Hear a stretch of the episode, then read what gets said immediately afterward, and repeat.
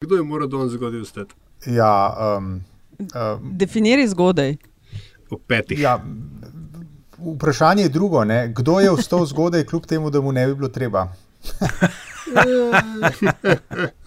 A to kdo dela? Ja. Je, To, s- to sem moral jaz danes. rojeni pred letom 71. Bi vam pa drugače eno stvar uh, povedala, ne? da se oglašajo poslušalci in poslušalke z celega sveta, da poslušajo LDGD. Ana iz Islandije je full prijazne besede namenila podkastu, med drugim. Ana, mi te LDGD. lepo pozdravljamo iz uh, Srednje Evrope, na sever Evrope te pozdravljamo. Kopra? V bistvu si moramo zmisliti nekaj tacga, ki ima mladina, veš, ki so izvodi mladine, pol po, po svetu, folk se slika. To bomo zdaj za, Oh, za LDGD. Recimo. Kje so naše Pa- ladje? Je pa tudi res, da je za razmere islandske sage LDGD res kratka epizoda. Ne? Tako da vsakič sprot. V redu. Islandijo imamo pokrito. Evo, Ja. um, rezultati bizarke iz prejšnje epizode. 159 glasov je bilo oddanih, 44 odstotkov za Janez Janša in ne nas kritizirati. Medtem ko ostalimo poreka, da so metuljčki, ko se jih, oziroma snežinkice, ko se jih kritizira. Na drugem mestu sta pa bila izenačena Jelinčič z belorusko primerjavo in Šarec eh, v duelu z kolegom Celestino. Medtem ko je 26, mislim, da odstotkov sta imela, pa 4 odstotke za uh, praznega Zorčiča v odmevih. Tako da to, to je to. No, no, Eh, vse je že prav, že gosp- prav. Še žal vam bo glasovalci. Je že v redu. Šmrc, šmrc. Malo mal razmišlja, veš, da bomo morali mogoče za, v, v spomladanskem delu sezone ne, Janšo izločiti iz konkurence, ker drugače bo itek vsakič zmagal.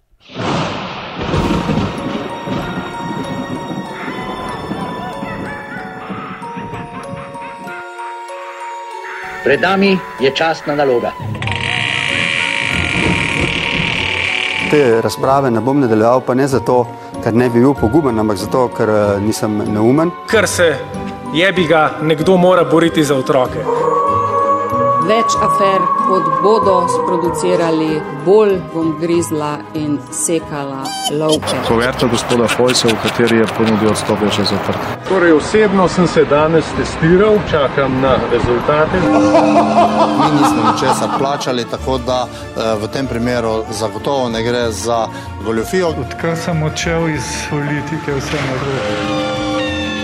Je prišlo za neke vrste, za neke vrste zmene kršiteljev temeljnih vrednot Evropske unije. V imenu svojih najbližjih in v božjem imenu vas pozivam na lov. To je LDGD, podcast, ki nikogar ne podcenjuje in ničesar ne jemlje preveč resno. Uživajte, dokler lahko. Hvala lepa. Da nekje. Ostal sem brez besed. Oh, Aljaš, kako ti to zdržiš snemati, pa da preživiš? To je vsem boljš kot tisto, s čimer se moramo ukvarjati čez dan. Le da ga da imamo podcast, ki nikogar ne podcenjuje ničesar ne jemlje preveč resno, še posebej ne politike, vaši gostitelji, Andraš Zorko Valikon, Antiša Korjan, Primorske novice, Aljaš Pengalbitenc, Radio Chaos in Nataša Briški, Metina lista. Teme v tokratni oddaji pa smo rekli, da razdelimo v tri večje sklope in sicer ali vladi oziroma premijeju Janši popuščajo živci, potem opozicija, ustavni lok Karel Rjavec se vrača, kako to, če spremenja enačbo, um, seveda tudi zraven refer referendum in imamo tudi zelo zanimivo vprašanje poslušalca LDGD in sicer o tem, a je res treba vse, kar politiki tvitajo, o tem po to potem prenesti v tradicionalne medije. Uh, začnemo recimo z ali vladi popuščajo živci. A je to do, dobra za začetek? ja. Ja. Ta je do, ta, ja. Ne, se pravi, Konkretna. Ja. Lej, imamo število okužb narašča, ukrepi so podaljšani še za uh, kakšen teden, ocene vlade in ukrepov oziroma delovanja so vse slabše, Andraš, ne, če se ne motim in če sem ujela, ker zdaj se mi zdi, da je tudi vse več anket. Mislim, ki to merijo. Težko, težko rečeš, da so slabše, samo ena resna je. Težko, težko rečeš, da so slabše. Zato, ker sem primerjal to z rezultati tam začetka spomladanske epidemije, so nekje tam, tam razlike, predvsem v tem sentimentu. Ne, takrat uh, so bili ukrepi približno enako kritični ocenjeni, uh, je bil pa optimizem bistveno večji, oziroma je sploh bil, kar zdaj ga ni. Uh, to je en tak zelo zanimiv graf, ker vidiš, da, da je delež zaskrbljenih praktično enak, kot je bil sredi aprila, ko je bil vrhunc prvega vala.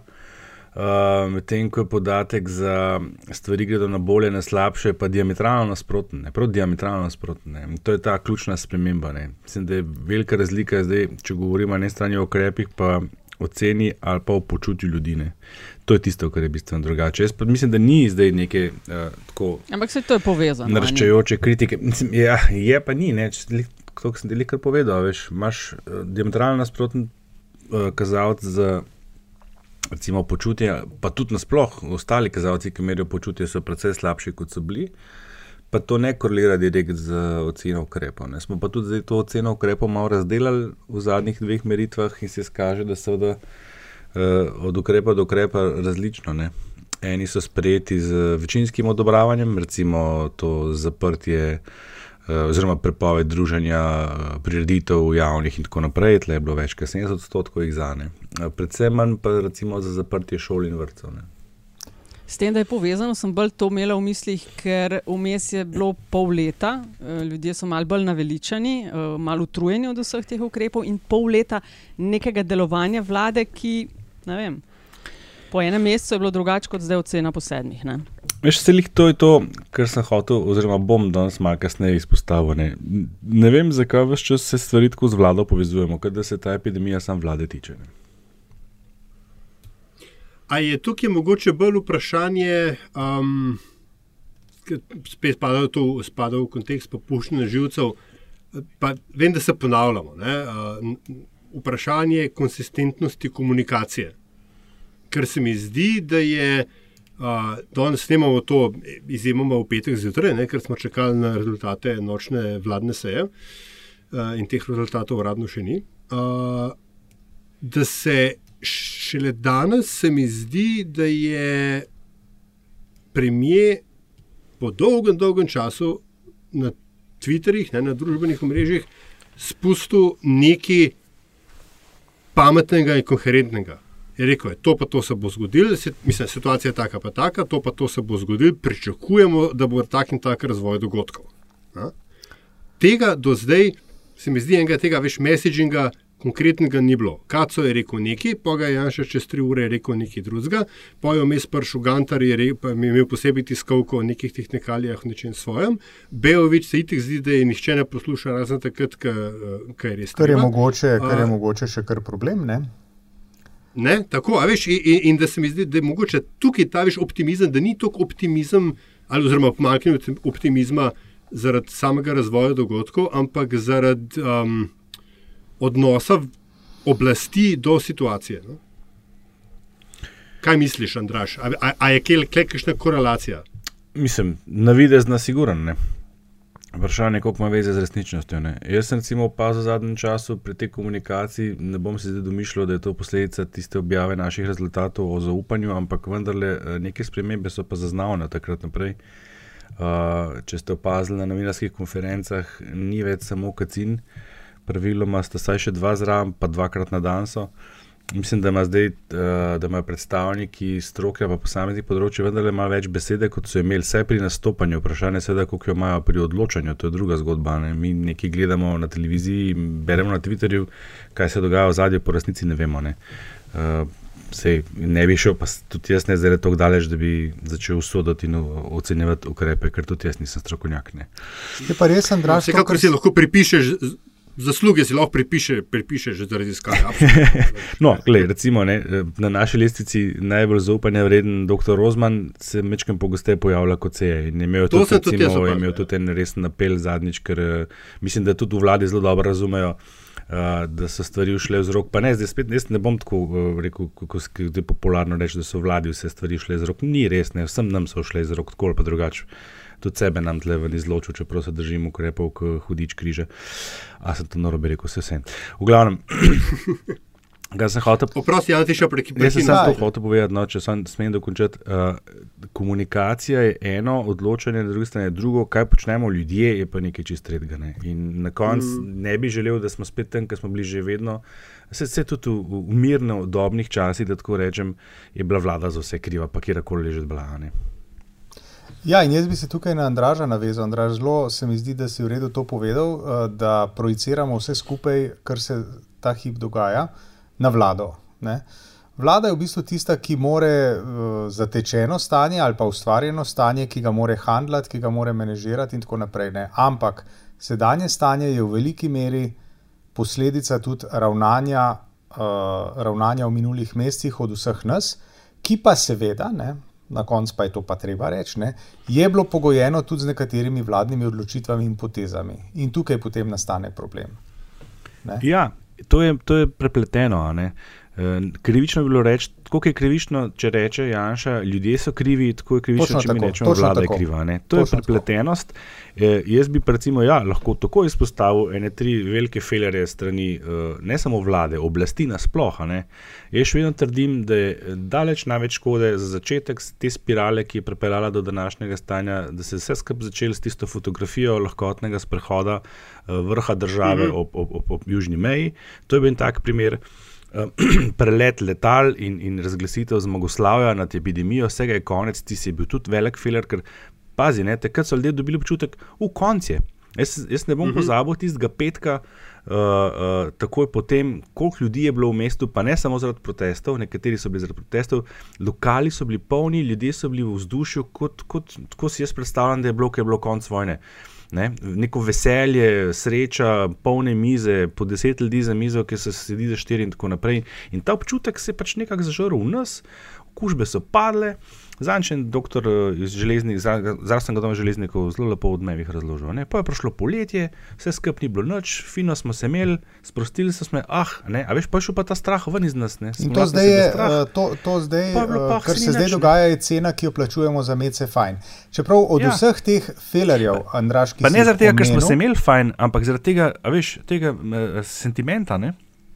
Od vseh nič, ki si jih omenil, se mi zdi, da vendarle je bil za verodostojnost vlade in uh, vladne politike in vladne doslednosti, če hočete, ne, je bilo pa uh, čiščenje bazena Jelka Kacina.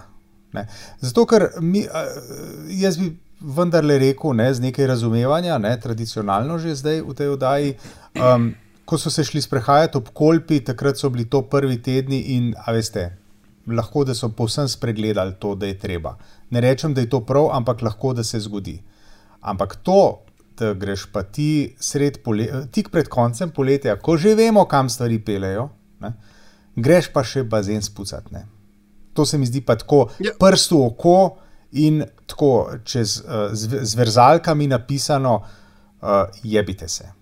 No, in takih felerjev je bilo veliko, in to je, to je tisti del komuniciranja, ki se je Ljaš prej rekel, če je komuniciranje krivo. Ne toliko tudi, seveda, tudi le, zelo veliko zapovedati, ne, kako se straši nam, da bi se svetovali. Ampak te, te felerji, ne, te, te mm. -hmm. ministerski, eh, predsedniški felerji, pa ne na zadnje tudi opozicijski. Ne. V, v, v tehničnem žargonu se temu kaže reče neizsiljena napaka. Ne?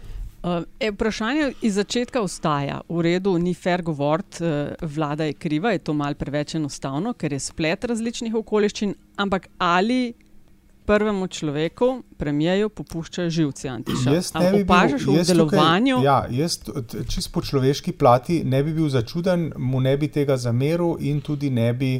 Uh, rekel bi celo pokazal nekaj razumevanja, če v določeni situaciji nekdo, uh, pač, ne, kot se reče, da mu popuščajo živci. Hkrati moramo pa seveda vedeti, ne, vlada, predsednik vlade je tukaj zato, da mu ne popustijo živci. On si tega, oziroma vlada, no, če, da ne bomo personalizirali stvari, ne, uh, vlada, mm, vlada je tam zato, da ji- vlada je zadnja, ki ji smejo živci popustiti.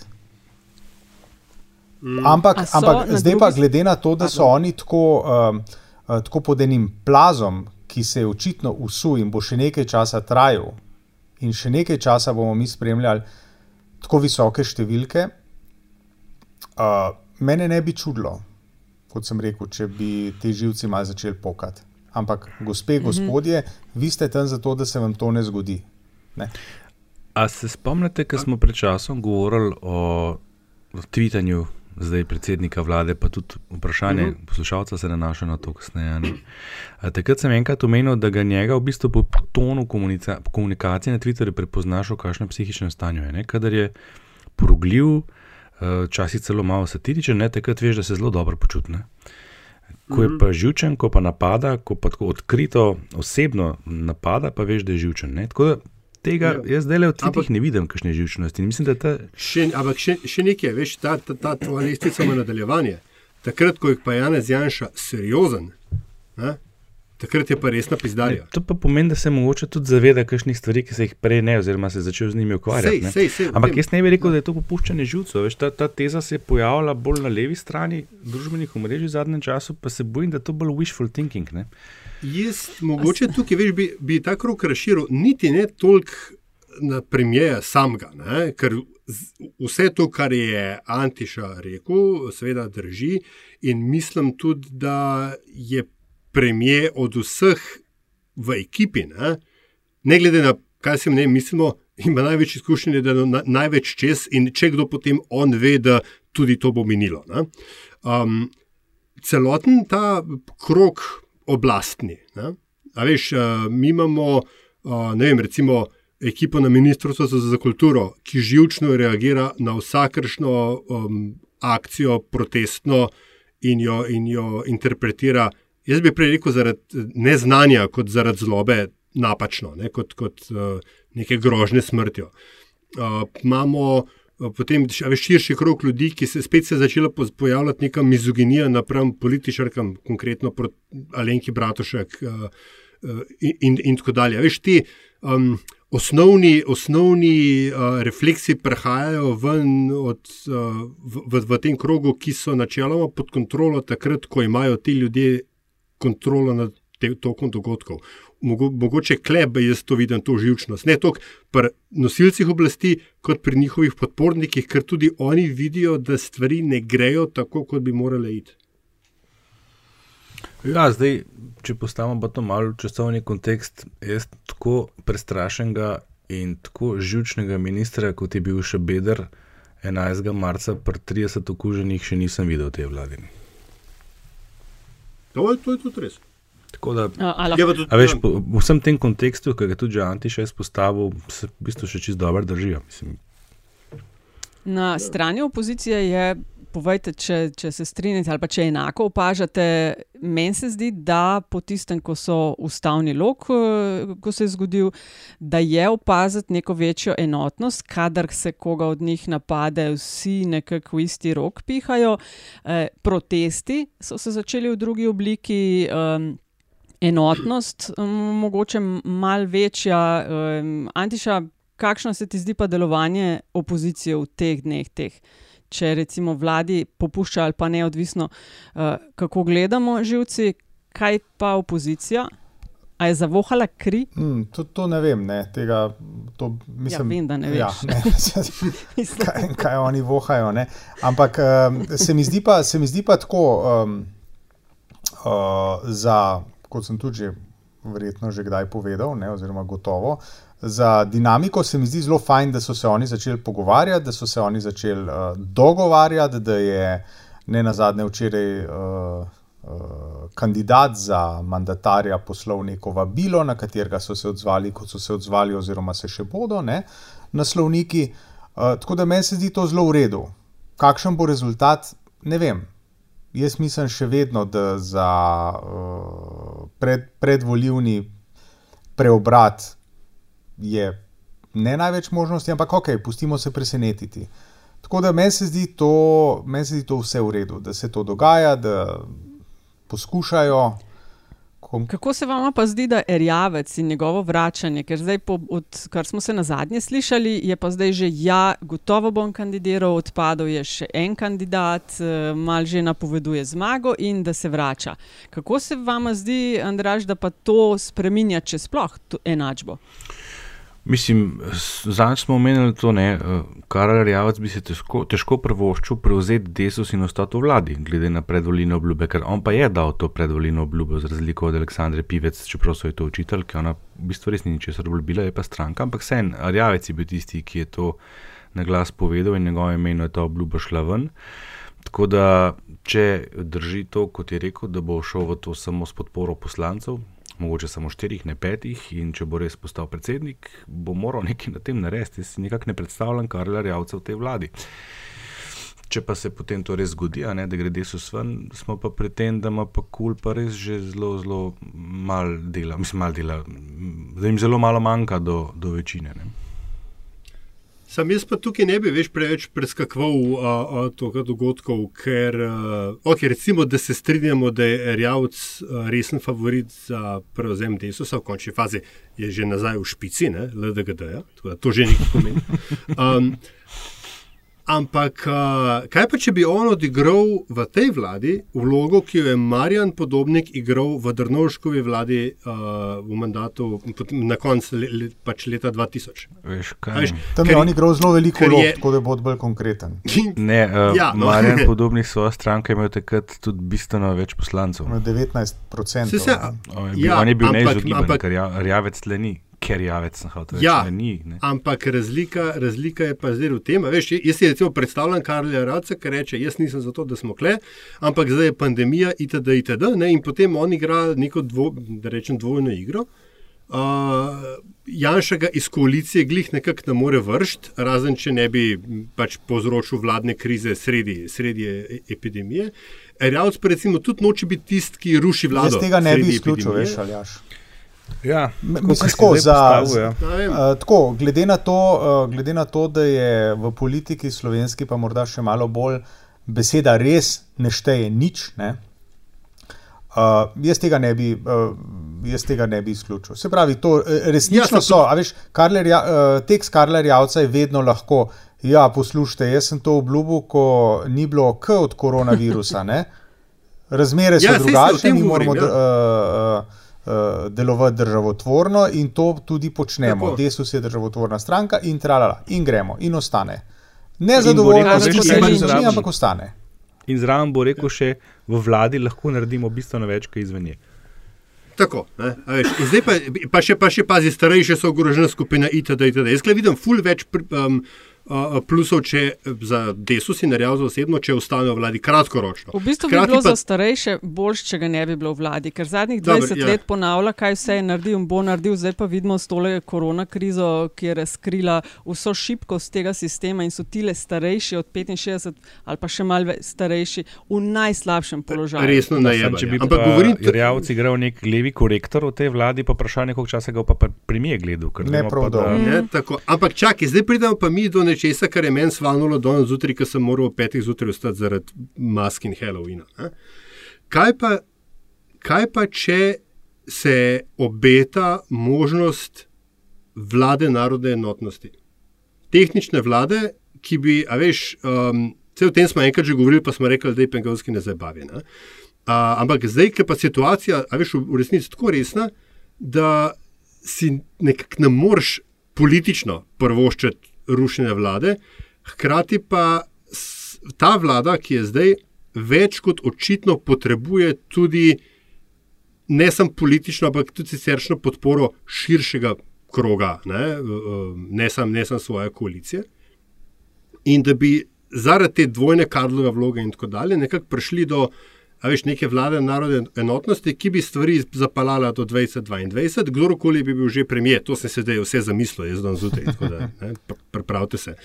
A, a veš, kdorkoli bi bil že premijer ali pa premijejka, ne, nek tehnični mandatar, se ga potem 2022 nagradi s tem, da se ga kandidira za, za predsednika in na spet enotno podporo. Jesus. Stranke grejo pa nazaj na, na Square One in se ponovno skregajo na normalnih volitvah. Kako si rekel, kako si rekel ob začetku tega, depengovski ne zabavi? A, ne, ali ja, že ob petih zjutraj si v tem maštal. I am weird like that, yes. um, čakaj, opozicija rjavc.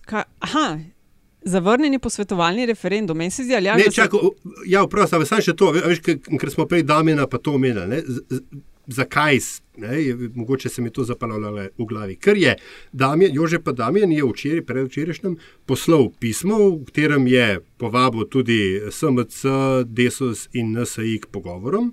Vsaj pro forma sta Desus in, SM, in D- NSI rekla, absolutno se lahko pogovarjamo, brez da bi karkoli pričakovalo tega, seveda. SMC, ki je pa ključna, to, kar Andraš vedno, vedno reče v teh koalicijskih uh, preigravanjih in preračunavanjih, mu je pa, če prevedem, rekla, naj odjebe v skokovima, ne, da oni se pač tega zdaj ne bodo šli. Ja, Mhm. po pol leta, ko so zlivali gnojnico po njih, si jih res težko predstavljam nazaj v te družbe. Ja, ja, seveda, No, veš kaj, čakaj, čakaj. Je Janša zlival prej gnojnico, pa po njih pa so šli gladko nazaj. Tako da ne bi jaz to izključevala, lik zaradi zlivanja gnojnice. Ne vem, če je bilo, če, Ja, to, če to lahko istih Na polno so SMC žgali in s tistimi maketami in z vsem živim. Tako da niso jih nobene ljubavi ni bilo. v bistvu. Ja, no, ampak nobene ljubavi ni bilo strani. Mislim, veje. tu, veš, tukaj gre predvsem, a veš, um, če, če zdaj pa. Tukaj se zdaj navezujem na, na našo bizarko, ki še pridejo. Ne? A veš, ampak Winston Churchill je na neki točki rekel, vsakdo lahko zamenja stran. A? Ampak rabiš pa določeno stopno politične genialnosti, da jo ponovno zamenjaš nazaj. In tega pa nima vsak. Veš, in SMC bi, po mojem, ne glede na vse, to tudi težko izpeljala. Ni nemogoče, ampak bi šlo teže kot ta prvič. No, Počevalšek je rekel, da je koalicija osredotočena na to, da omeji drugi val epidemije in zajezi širjenje okužb, da pa sta se z Rjavcem pogovarjala o aktivnostih, ki so potrebne za to, da se politična situacija stabilizira. Vlada narodne enotnosti. A gremo na vprašanje uh, bralca, ali bi želeli kle. A ja, ne, referendum, seveda. Posvetovalni Mhm. referendum je bil zavrnjen. Ali jaš ti si v tem videl? Um, Uh, so začele Ja. goreti rdeče lučke, bil je zavrnjen z 47 proti 35 glasovom, gre za 780 milijonov uložka v naslednjih letih v posodobitev vojske. Uh, zakaj je Ne, Ja, Ja, izvoli, prosim. ne, kar da je, kar te tišči. V bistvu se to, Antiš je že odgovoril na to. ne. A, Glasovanje ob tem referendumu je bilo indikativno za enotnost tega ustavno-loškega opozicijskega um, po- pobude. Um, glede na to, da so te stranke opozicije imele različna stališča do investicij v vojsko, eh, konkretno Lenka Bratošek in SAP so rekli, da je bi ga, če imamo vojsko, treba plačati. Ja? Uh, ampak to, a veš, ta, ta, če, zaenkrat ta enotnost, da če ena od strank v kulu ima stališče, potem je to stališče od vseh. Uh, se mi zdi, da je bil to en test, ki so ga naredili. In to nekako obeta bolj enotno delovanje do volitev 2022. Ne. Po Mm. mojem. Ne vem, kaj drugi mislite. Se pridružujem. Kaj pa če za, za, dobro, to je bil posvetovalni referendum, ampak Levica je rekla, da uh, ni izključeno, da ne bojo pa uh, referenduma, ki bo obvezujoč speljal. Zdaj za to rabijo, koliko smo rekli, deset poslancev ne? ali pa podpise, mm. če grejo zbirati. Zdaj Levica jih ima osem, gladko dobi še dva od, uh, iz ostalih strank.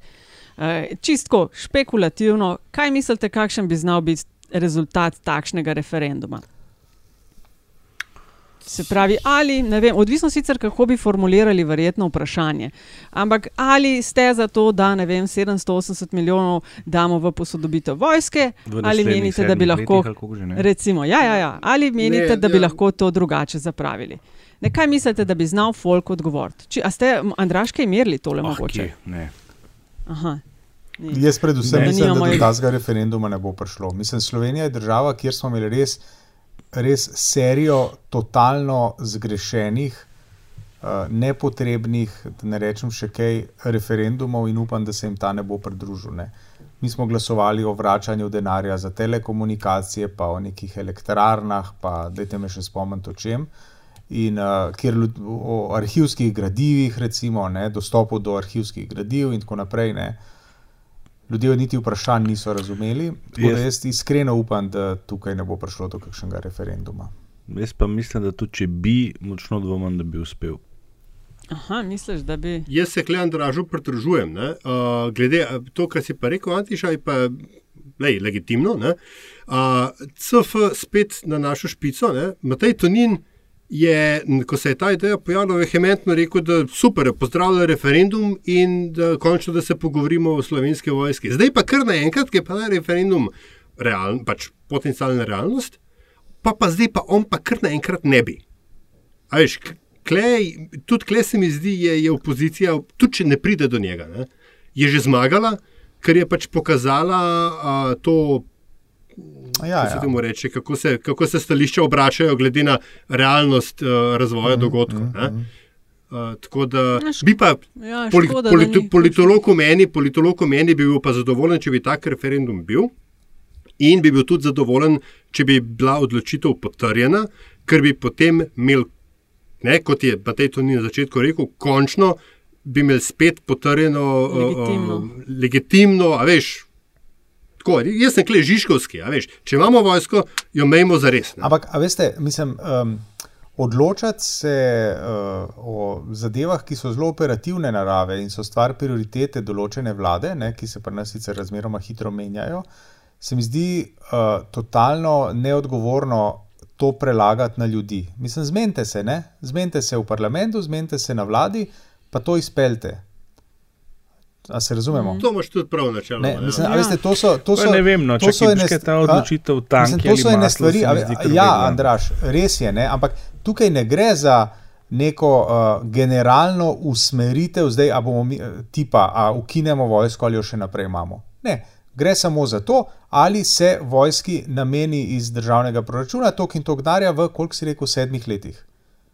Za bolj strokovno vprašanje, o čemer naj odločajo strokovnjaki. Jaz tisti, mislim, imamo, jaz mislim, da imamo mi eno goro strokovnjakov, uh, potem pa uh, na ministrstvih zaposlene birokracije, ljudi, ljudi, ki poznajo. In jaz mislim, da so oni zato tam, da taka, stva, eh, da taka vprašanja razrešijo. Če ne gre tam, potem se to v sklopu nadzornih komisij oziroma delovnih teles v državnem zboru lahko vedno širi razprava in se pride do ene rešitve.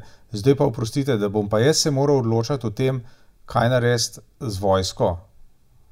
Zakaj imamo pa vas? Se vem, morda zveni naivno, ampak ne, jaz sem tudi malo poeno, poenostavil, jaz sem malo poenostavil, seveda. Ne. Po drugi strani bi gre za pa to. ta referendum na nek način tudi točno to, veš. Ker uh, mislim, da gre tle za uresničevanje nekih obvez ali pa vsaj obljub uh, slovenske vojske oziroma države do določenih uh, zvez. Ne? Ja, seveda. Ne? Iz 2004. In, in tako ne. In tle le nota, če to pade, zdaj to, iz tega razloga tudi razumem potem živčnost Tonina. Ne? Uh, je potem postavljeno pod vprašaj naše sodelovanje v NATO, verjetno, ne? ker nekaj bi ta referendum lahko postal tudi to, ne?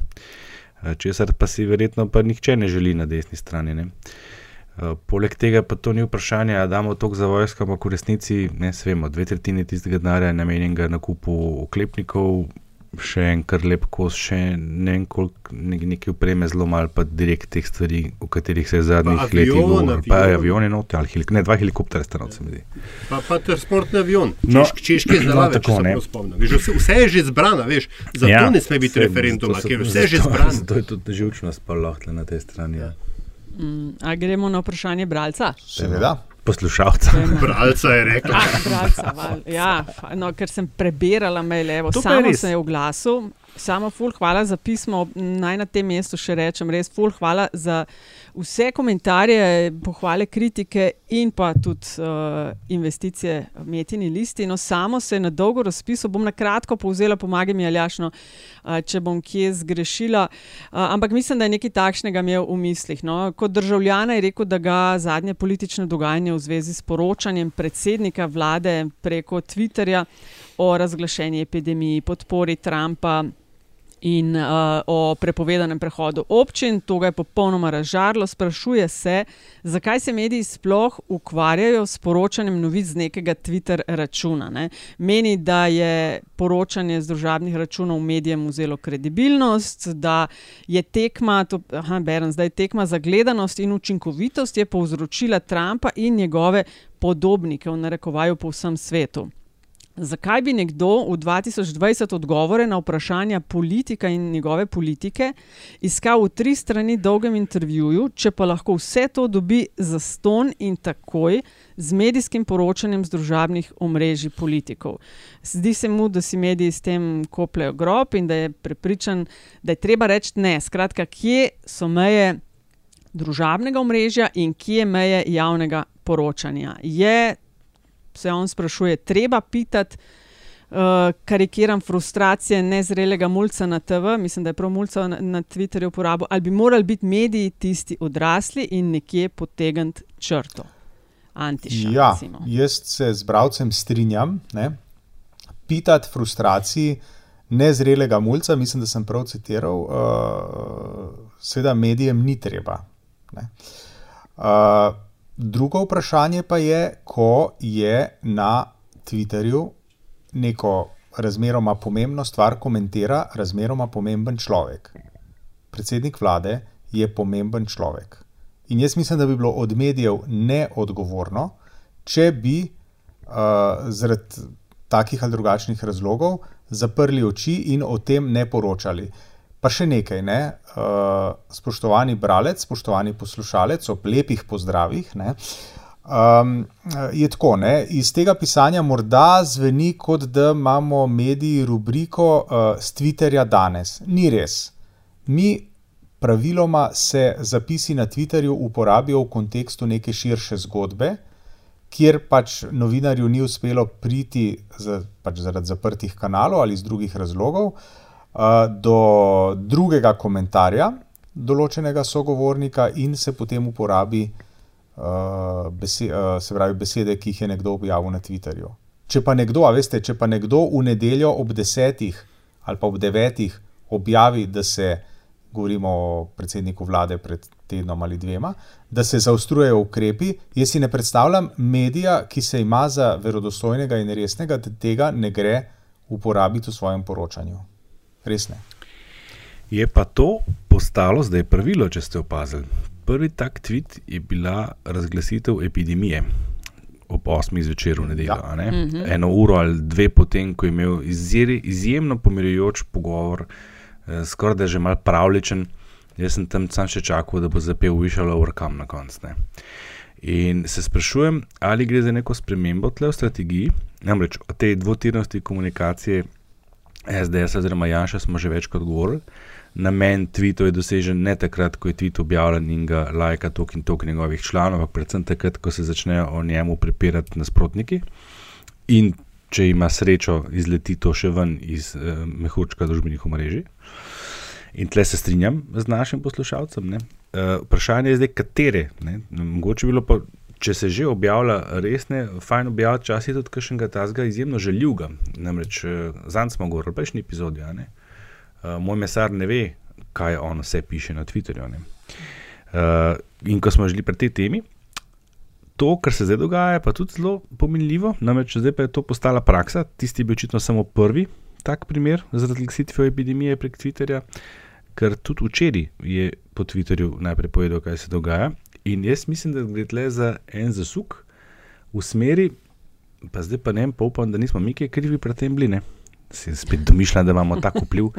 Ampak, ker smo zanj tako lepo razložili, kakšen ozek krok, ne bere Twitter. Ne? Ker kaj ti dosežeš s tem, da začneš ukrepe objavljati na Twitterju? Prvič bodo mediji izrazito bolj pozorni na to, kaj tvita in kdaj, sploh, ko bodo te seje vlad in bodo tekmovali, kdo bo prvi poročal o tem.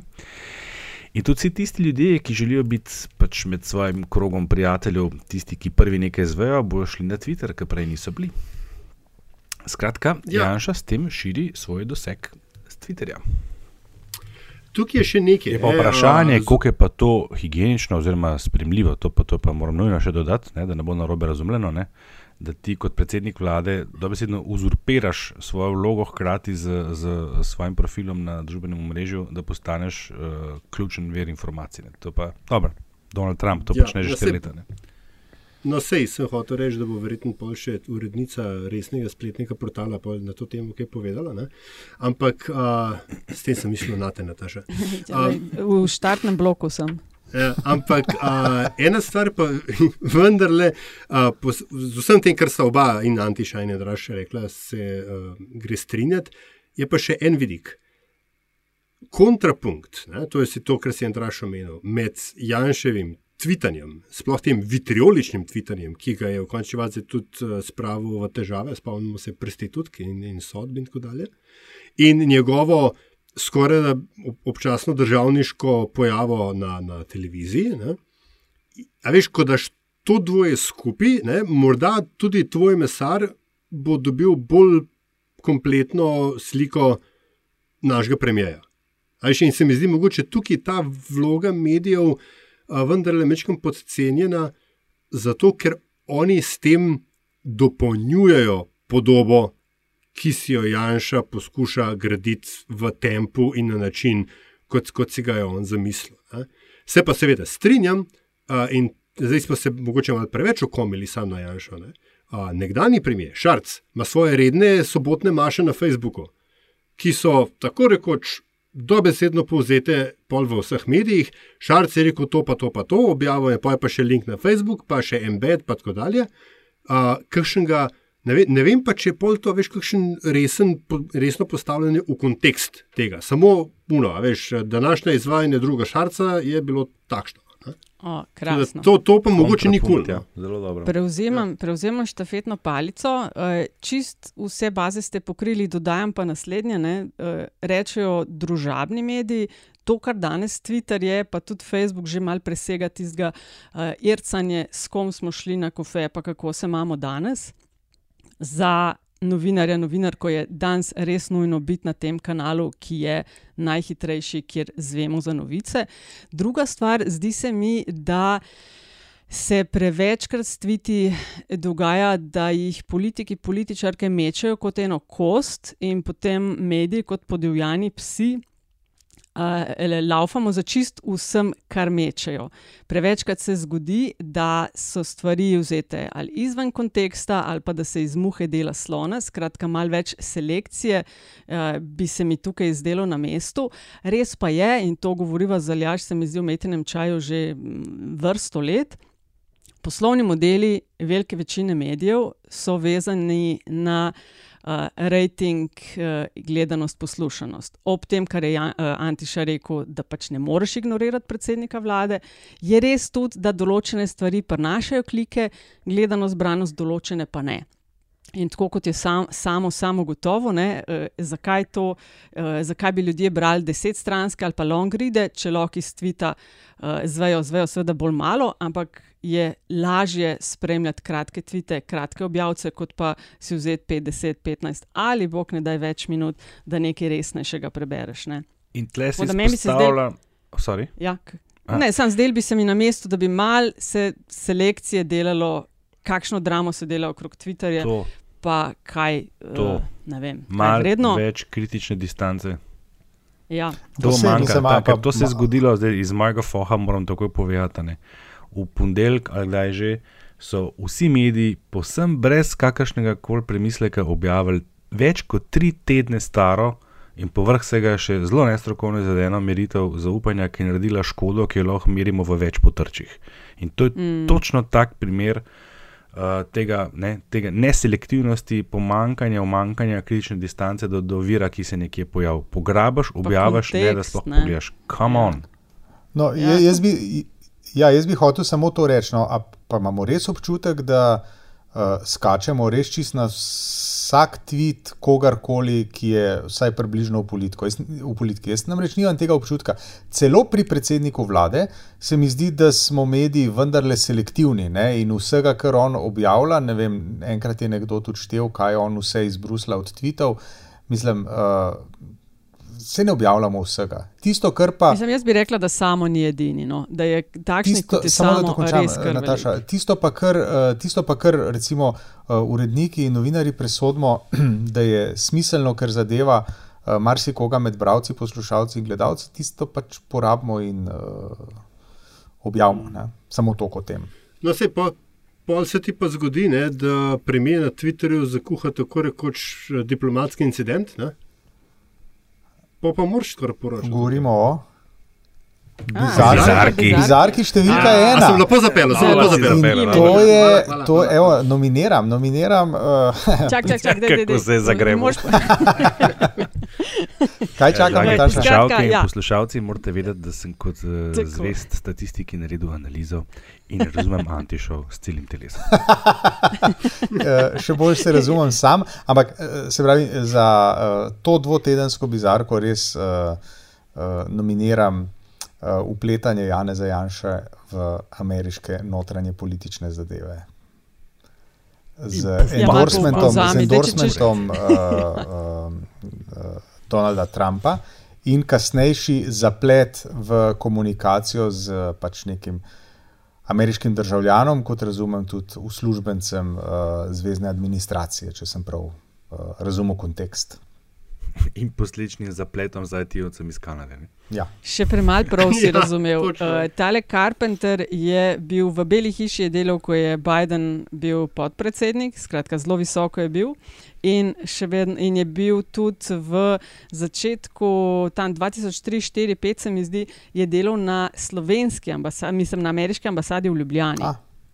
In že takrat so za njega govorili, da bo zelo visok prelezel, in na koncu tudi je. In če slučajno Biden zmaga, bo Mike Carpenter, ki zdaj vodi uh, en center njegov, med drugim, ne, bo zelo gotovo visok v ameriški zunanji politiki. Ne.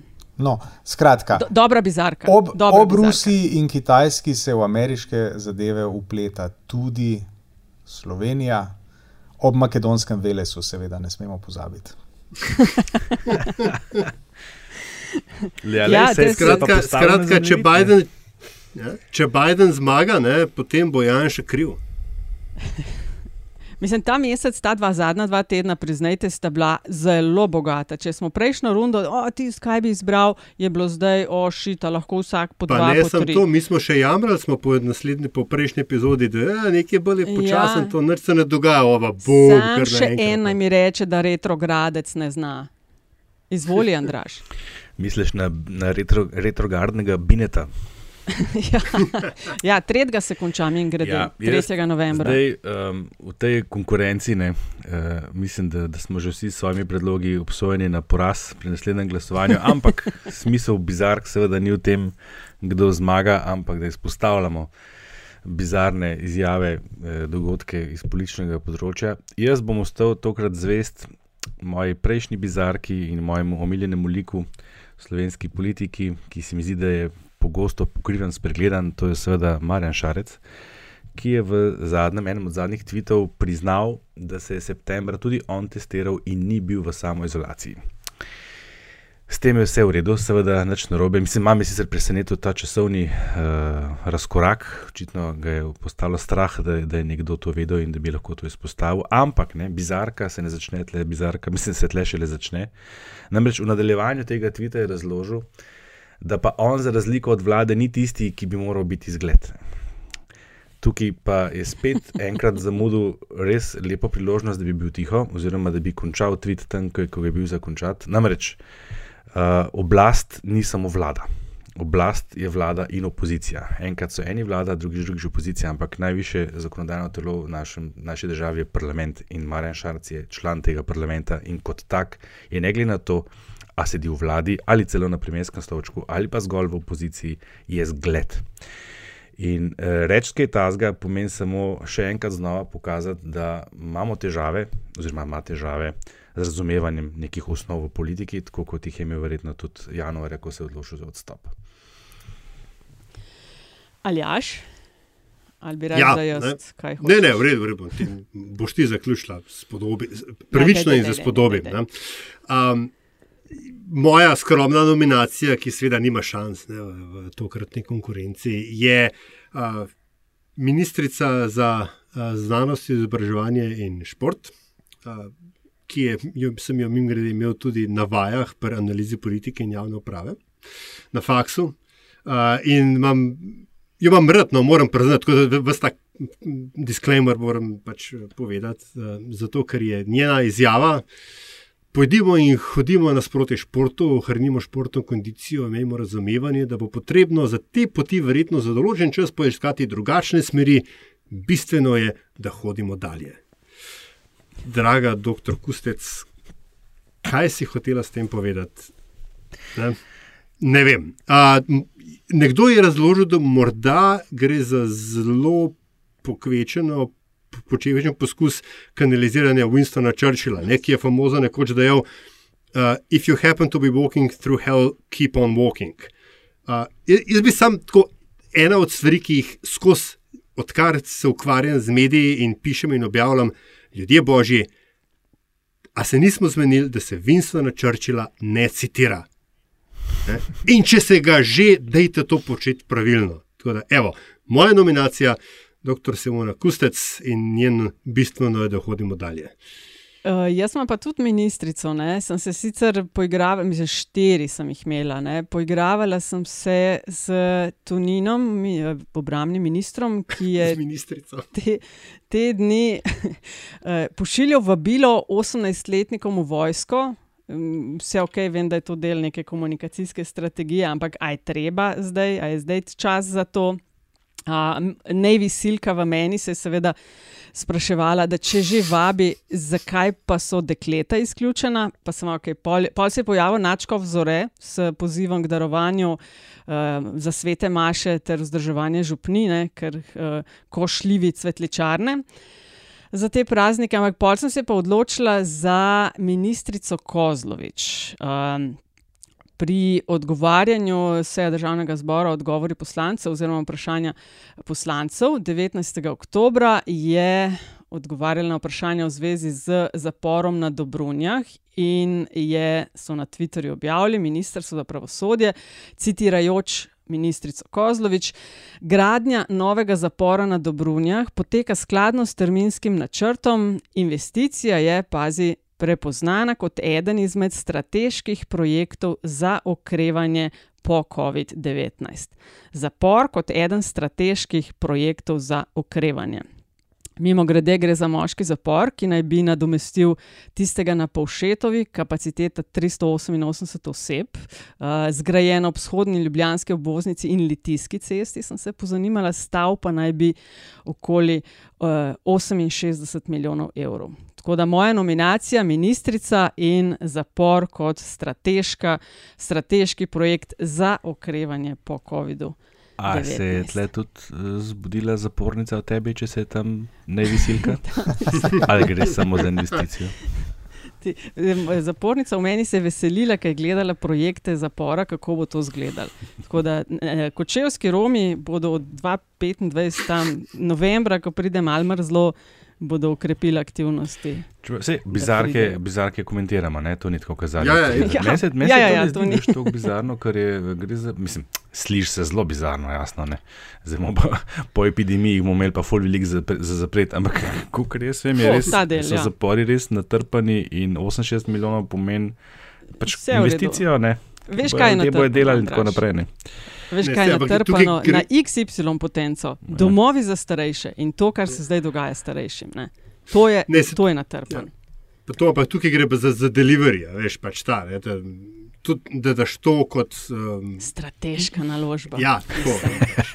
ja, v redu, Ni čudno, da so nam iz Evrope zavrnili domačo nalogo, za rekli, bešte še enkrat delati. Ne pa v to, COVID mešati. Ok, to je to. Uh, imamo še kaj ali gremo na zadnjih 30? Zadnjih 30. Ja, če, bomo zdaj zbirali ali ne bo, a se ja. zdaj glasuje? Ja, ja, ja, mislim, čist, mi štiri. Že rekli, da, da, da že vemo, da je zmaga. Ja, da Janša zmaga. Ja, ja, ja. ja. Okay, ja. To bi brez žreba, brez ja, tekmovanja lahko šlo. Z aklamacijo. Marjan spet na manjiratel.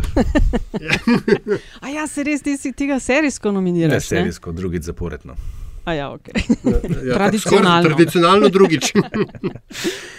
Prav, pa pa zadnjih 30. Uh, ima kdo željo začeti, končati? Bom jaz mogoče, ker se bom skliceval na, um, na uh, nekaj, kar sem rekel v zadnji, zadnji epizodi. In, in bom uh, v skladu z zakonom o medijih izkoristil pravico do samopopravka. Morda sem bil do poslanca Mihe Kordiša preoster, namreč naredil sem napako in sem uh, njegovo domnevno, zdaj lahko rečem, izjavo o šušmarjih med uh, zasebnimi zdravniki citiral po, drugo, uh, se pravi, po virih iz druge roke. Ko sem uh, šel poslušati to, kar je rekel poslanec, sem uh, ugotovil, da tega v resnici ni rekel. Ne. On ni izrekel, da so uh, uh, zasebni zdravniki šušmari, on general, ampak je to nekaj drugega povedal, ne bomo zdaj o tem. Skratka, uh, se opravičujem in jemljem to nazaj.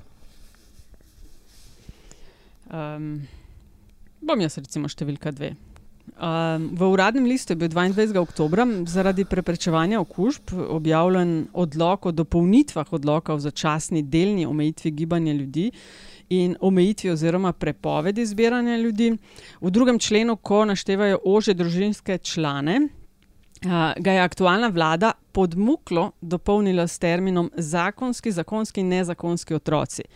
Nezakonski otroci, termin, ki se že desetletja ne uporablja več, ker se z njim stigmatiziralo in poniževalo. Konec leta 2020 bi otroke spet zmerjali s pankrti, še korak, pa bomo, ne vem, pri čarovnicah. Zato je sporočilo mojih 30, fuck off za tole, off.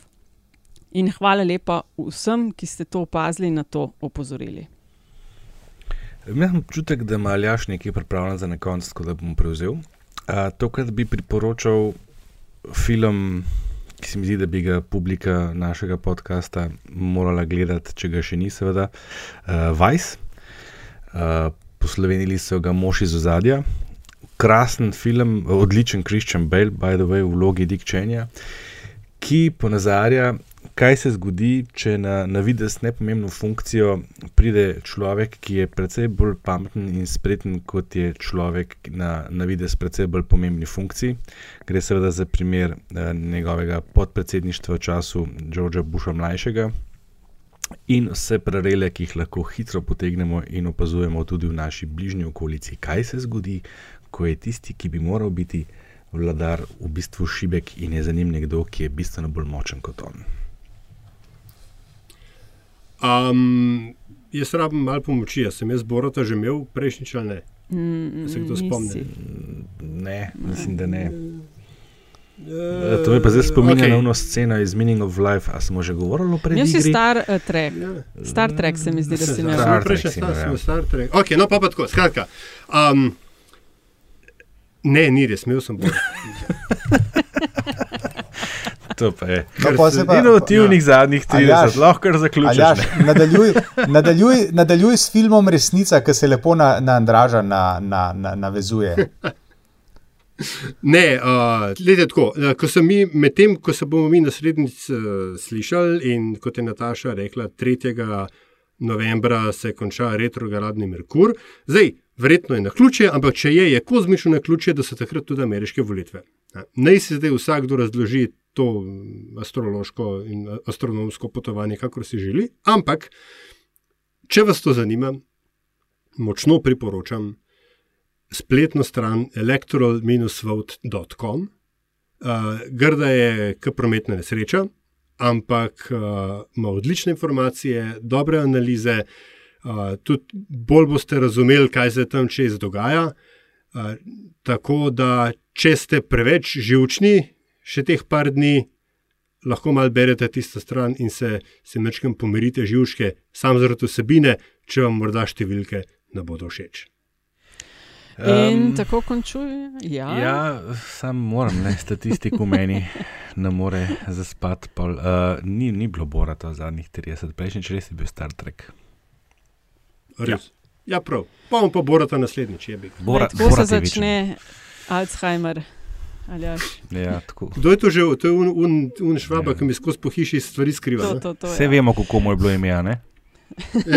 Ja, tako se začne. Ja. Ha, ha, ha, ha. 47. epizoda podcasta LDGD je bila to. Uh, hvala lepa za družbo. Če mislite, da smo povedali kaj takšnega, kar bi znalo zanimati, še koga bomo veseli, če boste epizodo delili. In res lepa hvala za vsakršen odziv in tudi investicije v naše vsebine. Do naslednjič, adijo.